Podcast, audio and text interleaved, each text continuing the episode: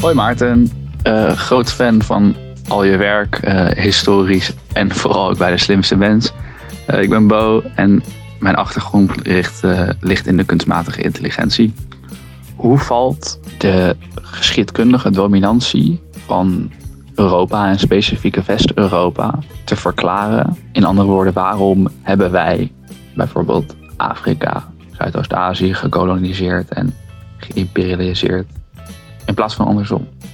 Ja, dat is een, eh, dat is een hele essentiële vraag. Uh, en, en hij, het beste kan hij dat boek lezen van Jared Diamond, Guns, Germs and Steel. Dat kan ik warm aanbevelen. Dat wat althans deels een antwoord probeert te verzinnen op deze springende vraag natuurlijk. Want als je bijvoorbeeld naar de wereld kijkt in het jaar 1500, dan zul je zien eigenlijk dat, dat West-Europa een, een nou bepaald niet een dominant deel van de wereld is. De Chinese economie is in 1500 een stuk groter dan de West-Europese economie. En in de daaropvolgende 500 jaar verandert dat ingrijpend. Eh, en dat heeft te maken met in Europa met de wetenschappelijke revolutie. Dat we namelijk bedacht hebben dat je niet moet zeggen het is zo, maar dat als je zegt het is zo, dat je dan ook bewijsmateriaal moet hebben. Dat je, dat je een experimentje kunt verzinnen, dat je empirisch kunt vaststellen of het inderdaad zo is. Ik zou maar zeggen, Aristoteles had gezegd, een vacuüm dat kan niet bestaan. En op een goed moment in de wetenschappelijke revolutie zegt iemand, die zegt van ja, dat kan nou wel zeggen, maar, maar is dat ook zo? Kunnen we niet eens onderzoeken of een vacuüm niet kan bestaan. En dan blijkt al snel dat een vacuüm prima kan bestaan. En dat je met enige moeite heel makkelijk een vacuüm kunt creëren. En uit die, uit die eh, revolutie ontstaat eigenlijk al in de 17e eeuw. Zijn, is, is, begint West-Europa zich eigenlijk al sterk te ontwikkelen. Uh, we hebben inderdaad niet waar imperia gevormd buiten Europa. Geef een simpel voorbeeld. Wij hadden speciale zeilschepen die zeer zwaar bewapend waren. En dat was een enorme verrassing voor, voor laten we zeggen, andere culturen in Zuidoost-Azië bijvoorbeeld, die zeker niet minder waren dan de onze, maar aanzienlijk minder gewelddadig en vechtlustig. Dat speelt wel een rol. De Chinezen hadden al in de, in de 14e, 15e eeuw veel grotere schepen, maar die waren veel minder gericht op exploratie. En uit die eh, 17e eeuw komt in feite daarin ontstaan al de eerste aanzetten voor de industriële revolutie. En die industriële revolutie zet door. Ik ga natuurlijk nu al met zeven mijls lazen. En in de loop van de 19e eeuw wordt die industriële revolutie onderbouwd met natuurkundige kennis. Dan beginnen we te begrijpen hoe het in elkaar zit. En daardoor, door die ontwikkelingen in de late 17e eeuw, in de 18e eeuw en de 19e eeuw, nemen wij een enorme voorsprong op de rest van de wereld. Die vooral technologisch van aard is. He? Eh, ja, wij, wij ontwikkelen het machinegeweer. Daar waren ze elders niet opgekomen. Een beetje een gruwelijke ontwikkeling, maar het blijkt erg effectief te zijn in allerlei situaties, het machinegeweer.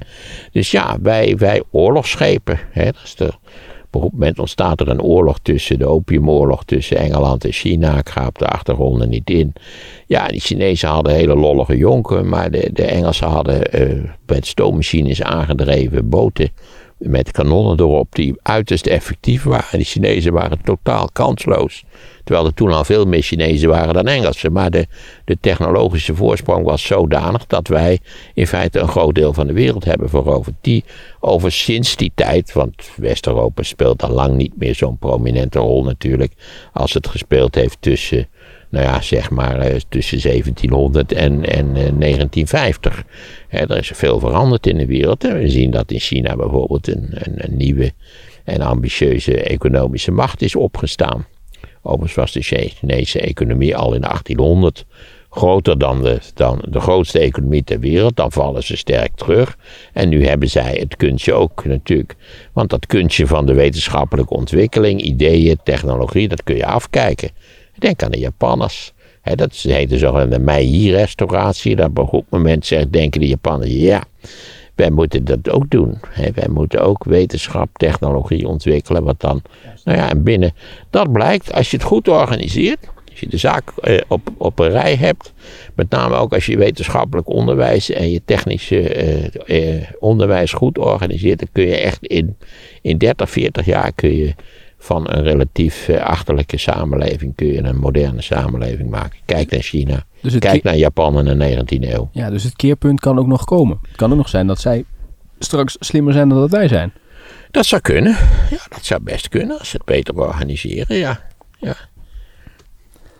Dus ik, als ik doorredeneer, het zou kunnen zijn dat Afrika straks denkt van... nou jongens, de geschiedenis draaien we eens eventjes Ja, om. dan zullen ze de boel daar toch wel een heel stuk beter moeten organiseren dan ze dat tot op heden hebben gedaan, moet Ja. ik zeggen. Maar dat is de, het feit dat wij eigenlijk begonnen zijn aan de industriële revolutie. En het gebruik van fossiele brandstoffen natuurlijk, waar we ondertussen ook weer spijt van hebben gekregen, want die hebben allemaal negatieve effecten, maar dat is niet zo'n echt groot probleem. Dat is oplosbaar. Eh, Dat is de reden dat wij tijdelijk een enorme voorsprong hadden eigenlijk op de rest van de wereld. Ja. En dus ook belangrijk om die voorsprong te behouden. Uit Ja, stuk- die is niet te behouden. De Chinezen en de Japanners kunnen precies, sterker nog, je kunt beter een Japanse auto kopen dan een Franse auto. Ja, maar uit een stukje zelfverdediging is, is die voorsprong wel belangrijk. Je moet wel... op- Ja, maar die voorsprong is. Kijk, we- wetenschap is en technologie zijn toch grotendeels mondiale processen geworden. Als jij iets lolligs uitvindt. En je, je maakt een tijdje iets lolligs en dan je patent verloopt geloof ik na 16 jaar. En daarna kunnen ze het in Japan net zo goed. En ondertussen hebben ze misschien dat lollige product al wel verbeterd en zo. Zo gaat het. Neem een land als Engeland, wat, wat de enige tijd eh, een betrekkelijk klein land, wat een enorme voorsprong had op de rest van de wereld. En eh, ja, die, eh, die voorsprong is natuurlijk al lang verdwenen.